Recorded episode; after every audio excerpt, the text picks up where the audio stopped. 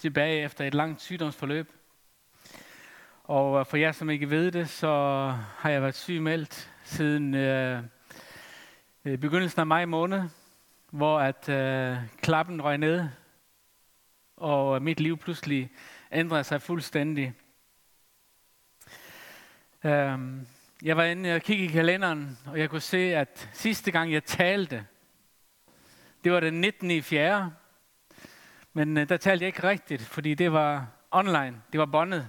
Så det må være før det igen, men der var ikke nogen mennesker til stede. Så jeg tror, vi sad sådan rent ud sidste gang, vi var samlet, og jeg var med. Det var mig være en gang i februar måned. Så at, øh, det er længe siden. Øhm, i øh, den 11. i 5. der ændrede mit liv sig fuldstændig. Og uh, jeg vågner op med en voldsom, kraftig feber. Inden der, måske et halvt år, et helt år, måske mere, så har jeg gået og haft lidt øh, øh, det ene sygdomsanfald efter det andet, sådan, og skræntet lidt og har kæmpet lidt. Men her den øh, 11. maj, så, så knækker jeg fuldstændig sammen. Og øhm, for at gøre en lang historie kort, så ender jeg med, at jeg, kommer, jeg bliver både indlagt, og øh, hvor de konstaterer en lungeinfektion, de konstaterer en øh, ny bækkenbetændelse, en øh, blærebetændelse, og når det er sagt, så endte det også med, at øh, jeg fik en infektion i mit ben, en knudrosen i mit ben, hvor, som gjorde, at jeg ikke var i stand til at gå. Jeg havde flere øh, uger, hvor at, da jeg lå derhjemme, jeg kunne komme, jeg kunne rejse mig i fem minutter, gå ud i køkkenet, spise en lille smule mad, og så kravle på alle fire tilbage igen, ind, øh, ind på værelset igen. Og øh, det her det blev til en lang, lang, lang proces, og nok en af de mørkeste kapitler i mit liv. Og ikke bare mit liv, men også i vores families liv. Øh, nu er min kone ikke her, hun var her i den første gudstjeneste, men øh, hvad hun har stået model til, og hvad hun har brugt i den her tid her, har været en øh, fantastisk øh, gave i mit liv. Og øh, jeg har bare lyst til at ære min kone og hedre hende for, for den kamp, som hun har stået med. To gange så, så fik vi øh, øh, mistanke til cancer, og øh, så døden i øjnene to gange i det her forløb. Øhm, så på mange måder har været et ufatteligt svært, øh, en ufattelig svær tid. Jeg tror nok, det, det værste øjeblik for mig, det var, at den ene morgen, hvor jeg, jeg skulle måske fortælle, at øh, den, den der 11. 5. den nat, eller næste morgen, hvor jeg vågner der, så vågner jeg ved, at jeg befinder mig, jeg ser det rent fysisk. Og øh, jeg mærker det fysisk, jeg, og jeg ser det sådan, det, det er som om jeg er der fuldstændig. Inde i sådan et kulsort rum, hvor der er sådan en kæmpe transformator, som er ved at eksplodere. Og jeg står inde i det her rum, og det hele rummet, det begynder at ryste. Og, øh, og pludselig så eksploderer den her transformator, og, øh, og, og mit liv, det slukker. Øh, jeg havde nogle øh, dage, eller et døgn, som nok var det aller, aller værste, hvor jeg vågner op og øh, oplever øh, den der følelse af, at min øh, sådan hele, altså følelsen for kirke var væk. Følelsen for Gud var væk. Følelsen for min egen familie var væk. Følelsen for at leve var fuldstændig væk. Og øh, oplevede at stå i det her kul sorte mørke. Og bare, altså jeg kunne ikke hente en eneste følelse frem. Det var virkelig, virkelig vemmeligt. Men øh, jeg takker Gud for, at jeg kom over på den anden side. Og øh, jeg var ved lægen her i, øh, i, øh, i sidste uge her. Og øh, er blevet erklæret fuldstændig rask. Hvor at øh, min infektionstal, som jeg har været mest bekymret for, hvor at, øh, de har været op på 274 under mit sygdomsforløb, hvor at, øh, jeg i øh, sidste uge fik at vide, at jeg var nede på under 0,5. Så det er, det er en kæmpe sejr, og det er en øh, kæmpe glæde, at, at, øh, at kunne altså have den sikkerhed og have den vidsthed i hjertet. Så nu er der bare en lang periode, hvor at, øh, kroppen skal genoptrænes. Øh, energien skal tilbage. Livet skal tilbage. Og øh, jeg føler mig godt tilbage. Jeg er glad og har glædet mig til den her dag i dag. Jeg har også bævet for den, fordi at, øh, jeg, har ikke, øh, jeg har ikke stået for nogen forsamling i, jeg ved ikke hvor længe. Jeg havde godt en lille bryllup her for, for leden, men ellers har jeg ikke talt som så i rigtig lang tid. Og derfor har det været meget spændende for mig, hvordan jeg skulle klare det her. Noget af det, som jeg også har lyst til bare lige at nævne, nu skal vi ikke tvære rundt i min sygdom hele tiden. Jeg har også lyst til at dele nogle andre ting. Men øh, noget af det, som øh, jeg fandt ud af, jeg var indlagt på Horsens sygehus. Og øh, udover at have min egen kone som min engel, der ligesom var der for mig, så, så var der en, en øh, ældre dame, en sosuhjælper, som var på sygehuset. Og øh, jeg glemmer aldrig det øjeblik. Stop it. Men øh, hvor hun, øh, hun kommer ind i rummet, og så kigger hun bare på mig. Og jeg ligger bare der og stiger ud i luften. Fuldstændig ud i tomheden. Hvor at hun øh, kommer bare hen, og så lægger hun sin hånd på min arm. Lige så stille og bare af den. Så spørger hun, Bergo, hvordan har du det? så det er et fantastisk spørgsmål at få i sådan en situation. Og jeg brød fuldstændig sammen. Og hun vidste godt, at jeg var præst. Og vidste godt, at jeg havde, at min dagligdag gik med at bede for mennesker og prøve at hjælpe mennesker og så videre. Så når hun holder mig i armen og bare ærer den lige så stille, så siger hun, nu ved du, hvordan det er at være på den anden side af hegnet. og øh, det må jeg sige, ordet svaghed har fået en helt anden betydning for mig, end jeg nogensinde har haft. Øh, når jeg tidligere snakkede om, at man kan føle sig svag, så havde man sådan en eller anden vis grad af følelse, og man kunne sige det med et smil. Men at stå i den situation, som øh, vi har stået i, og som jeg selv har stået i, der blev ordet svag.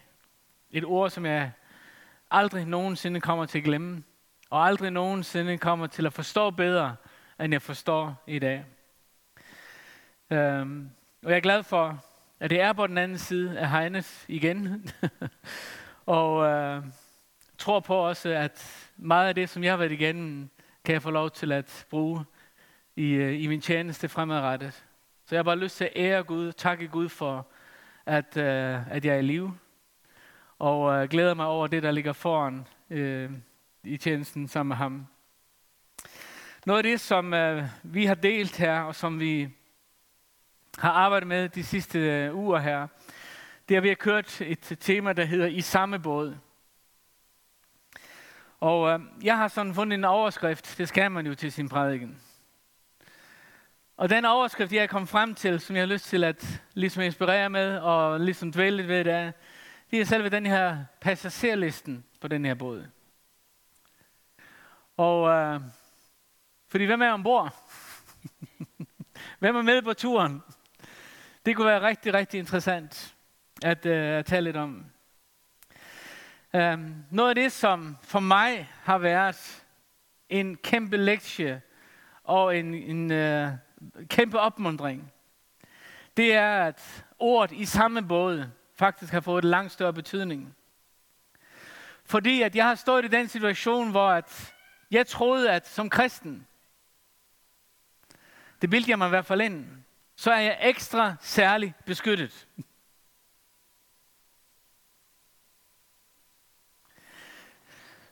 Bibelen taler om, at vi er alle i samme båd. Tror jeg ikke på bønnen mere? Jo, jeg tror absolut på bønnen. Tror jeg på Guds beskyttelse? Ja, jeg tror absolut på beskyttelse. Men der er en ting, som bare blev vigtig for mig at erkende. Det er, at jeg som menneske er i samme båd som samtlige mennesker i den her verden.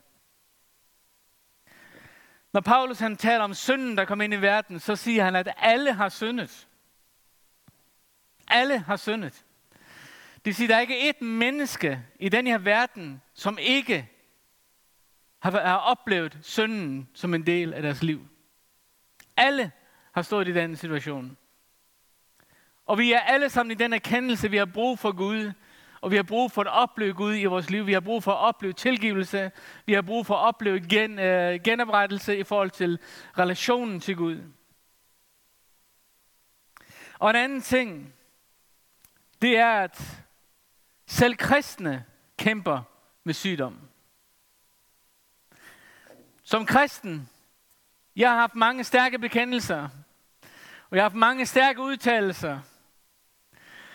Men øh, når man pludselig ligger slået, totalt magtesløs, så er der ikke ret mange eller bekendelser, der kommer over ens læber. Man har den der fu- fuldstændig følelse af forladthed. Og det, der virkelig gik op for mig, det er, at jeg er nødt til at erkende, at fordi jeg er en troende, og fordi jeg er en kristen, ændrer det ikke på, at jeg også er udsat. Paulus han øh, beskriver det sådan, han og siger til øh, Timotius i øh, kapitel 5, vers 23. Han siger sådan her, drik ikke længere bare vand, siger han til Timotius, men tag lidt vin for din mave, fordi du så tit er syg. Jeg har øh, flere gange stået i situationer, hvor jeg har bedt med mennesker. Og når jeg har bedt til helbredelse og bedt om, at Gud måtte røre ved dem, så har jeg nogle gange spurgt de her spørgsmål. Hvordan har du det? Og vedkommende siger, jeg tror på det. Jeg tror på det. Og jeg siger, men det var ikke det, jeg spurgte dig om. Jeg spurgte, hvordan har du det? Jeg tror på det. Jeg tror på det. Og det jeg fornemmer, og det jeg kan mærke bag ved den der, det er den der frygt for at sige, jeg har faktisk stadigvæk ondt. Jeg er stadigvæk svag. Tak fordi du har bedt for mig. Tak fordi du var med til at løfte mig op. Men jeg mærker stadigvæk smerten i min krop. Jeg mærker stadigvæk lidelsen i min krop. Og det er jo ikke vantro, at skulle sige det. Og det er nok ikke alle, der, der forstår helt det, jeg siger her nu. Fordi det har noget med, også med, med noget af den historie, jeg kommer fra i vores frikirkemiljø. Hvor vi nogle gange har haft den her, at vi, man, man måtte ikke sige, man var svag. Man måtte ikke sige, man var syg, fordi det var ligesom, i Kristus er jeg helbredt. Amen, det er jeg. Men hvis jeg har ondt i min ben, og hvis jeg har ondt i min ryg, hvis Paulus ikke måtte sige det, så var han altså virkelig langt ude. For han siger endda til Timotheus, fordi du så tit er syg. Det var der noget af en bekendelse, der kom over Timotheus' liv. At han tit var syg. Og vi ser andre sammenhænge også, hvor Paulus han, han beskriver nogle omstændigheder, at nogle af de mennesker, der tjente sammen med ham, at der ikke havde oplevet helbredelse. Han måtte efterlade dem i, i nogle byer, fordi de ikke var blevet helbredt, fordi de stadigvæk var syge. Og det her med erkendelse af, at vi er alle sammen i samme båd. Vi kan alle sammen rammes. Men forskellen er bare, der er en anden en, der er med os ombord. Jeg tror på lægedom. Jeg har set blinde for deres syn igen. Jeg har bedt for en døvstum kvinde, der blev totalt helbredt lige fra øjnene af mig. Jeg har set mange mirakler rundt omkring i verden. Og har set Gud røre ved mennesker. Og, øh, og kommer aldrig til, at jeg, jeg, altså, så skulle jeg benægte alt det, jeg har set igennem hele mit liv. Men jeg er samtidig også nødt til at erkende, at der er mennesker, der kæmper. Og jeg er samtidig nødt til at erkende i mit eget liv, at jeg selv har oplevet, hvordan jeg selv kunne blive ramt og så i en situation, hvor jeg ikke engang magtede at bede en bøn. Jeg havde ikke engang overskud til at bede en bøn. Jeg kunne ikke kigge i Bibelen. Jeg orkede ikke at åbne den bog. Så mørkt var det. Men ved du hvad? Gud han elsker mig stadigvæk. Gud har stadigvæk en plan med mit liv. Jeg har lyst til at læse et afsnit i uh, Markus evangeliet. Og uh, også for at beskrive den her passagerliste. Fordi den her beretning, det er en beretning, hvor Jesus han uh, siger til sine disciple sådan her. Samme dag, det, da det blev, kaldt, blev aften, sagde Jesus til dem, lad os over til den anden bred. Og de forlod skaren og tog ham med i den båd, han sad i. Og der var også andre både med. Og der kom en voldsom virvelstorm. Bølgerne slog ind over båden, så den var lige ved at fyldes. Men Jesus lå i agterstavnen og sov på en hynde. Så vækkede de ham og sagde til ham, Mester, er du ligeglad med, at vi går under?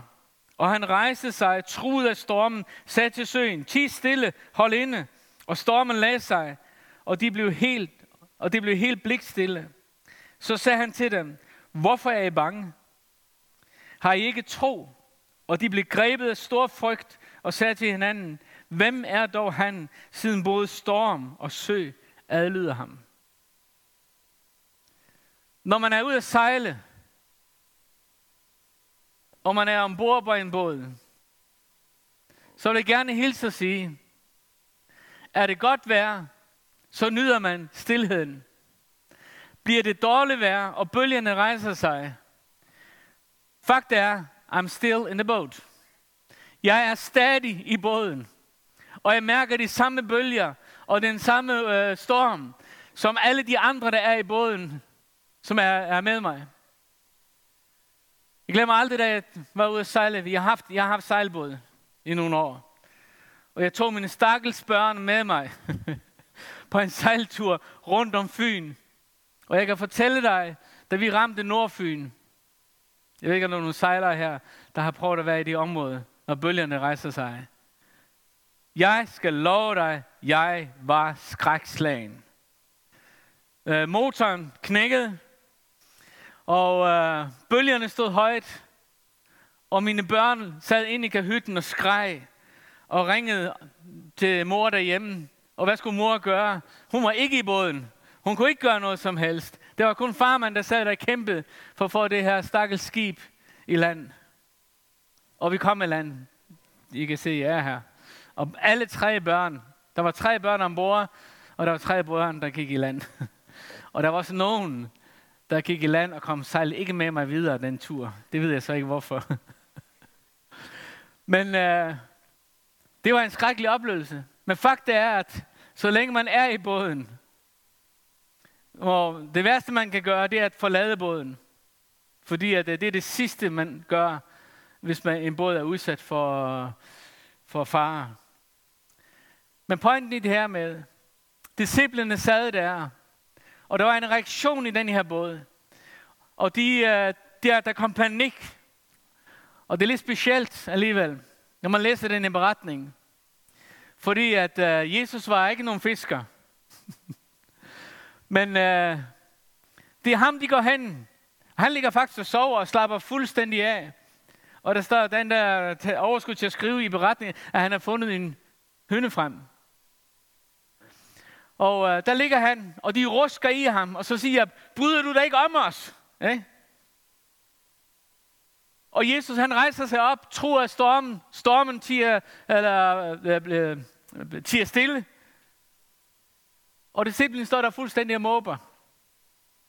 Men det er lidt specielt, at, de, at det er et eller andet sted, at de har tro for, at han alligevel kunne gøre et eller andet, siden at de, de rusker i ham. Og de vækker ham, ham der måske har mindst erfaring i salas. Ikke? Jesus var en god passager her med ombord. Den, øh, den anden beretning, som øh, er lidt parallel i forhold til det her med at sove. Og øh, den finder vi i Apostlenes Gerninger, kapitel 12 og vers 1-7. Der står sådan her. Ved den tid lagde kong Herodes både hånd på nogle af menigheden for at mishandle dem. Og Johannes bror Jakob lod han henrette med svær. Da han så, at det var jøderne tilpas, gik han videre og lod også Peter anholde. Det skete under de usyrede brødsfest. Han greb Peter og kastede ham i fængsel og satte fire hold på hver fire soldater til at holde vagt over ham. Efter påske ville han så føre ham frem for folket. Peter blev derfor holdt fængslet, men i menigheden blev der utrætteligt bedt til Gud for ham. Det er en meget stærk sætning. I menigheden blev der utrætteligt bedt til Gud for ham. Og det var ikke bare en lille bøn, men det var en bøn med kamp for Peters liv. Natten før Herodes ville stille ham for retten, lå Peter og sov mellem to soldater. Han var lagt i to lænker, og vagterne ved døren bevogtede fængslet. Pludselig står Herrens engel der, og et lys strålede i rummet. Englen vækkede Peter med et puff i siden og sagde, skynd dig at stå op. Der faldt lænkerne af hans hænder. Jeg ved ikke, om du blev mærke i, hvad der stod her. Det ene, det var, at Peter, han stod over for at skulle øh, for en retten. Hans, øh, det han ved, det er, at en af hans venner er blevet slået ihjel. Andre er blevet fængslet. Og Peter ved ikke, at dagen efter, den næste dag, så står han i den situation, at det er hans tur til at blive henrettet.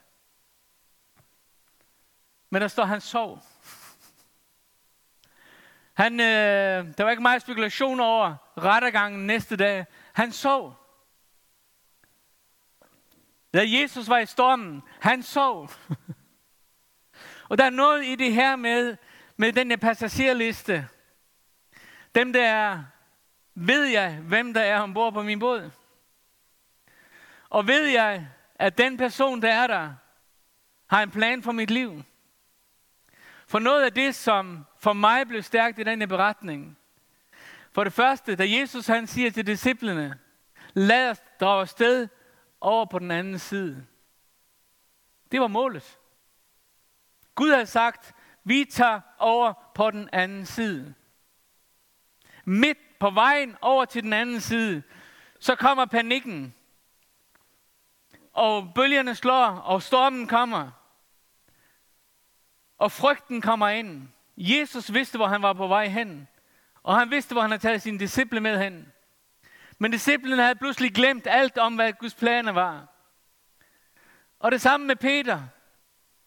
Peter vidste i sit hjerte, og kendte i sit hjerte, hvad Guds plan var med hans liv.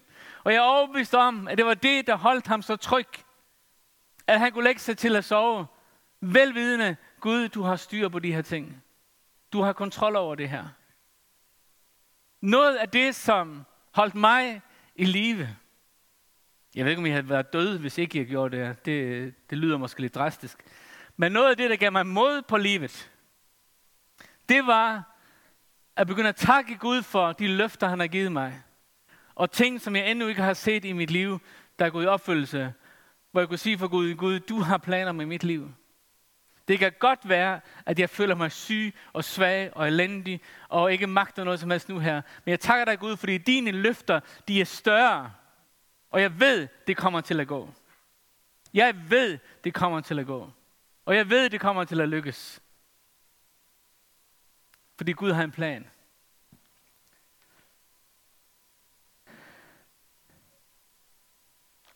Jeg havde en oplevelse i går, da jeg bad for gudstjenesten her. Og det var, at det kom de her ord til mig, søvnløshed. Og øh, jeg tror, der er rigtig mange mennesker, som kæmper en kamp. Og som kæmper en kamp i forhold til søvnløshed, som kan være opstået af rigtig mange ting. Vi havde en gut, som øh, delte sit vidnesbyrd her for ikke så længe siden til en Holy Spirit Night som øh, har kæmpet med, med, med søvnløshed. Han har siddet i Guds nærvær, og siddet og oplevet Gud røre ved ham, og var taget hjem, og pludselig så ændrede situationen sig fuldstændig. Han kunne lægge sig til at sove, og øh, han ved noget om det her, at øh, han fra den dag af, der var tingene vendt i hans liv. Og jeg har haft det sådan, jeg tror, der er nogen, der kæmper med søvnløshed. Og jeg tror på, at Gud vil helbrede dig fra den der søvnløshed. At natten, det bliver et sted, hvor du hviler, ikke et sted, hvor du frygter og er bange og er bekymret. Jeg skal læse til sidst her tre skriftafsnit, eller to øh, afsnit her. I Salmernes bog, kapitel 3. Jeg lagde mig trygt til at sove, for Herren skærmede mig med sin hånd. Jeg lagde mig trygt til at sove, Peter vidste, at Gud var med ham. Derfor var han i stand til at sove i fængslet. Salme 4, vers 8 og 9. Mit hjerte glæder sig mere over dig, end over en rig høst af korn og vin. Jeg kan roligt lægge mig til at sove, for du, Herre, beskytter mig.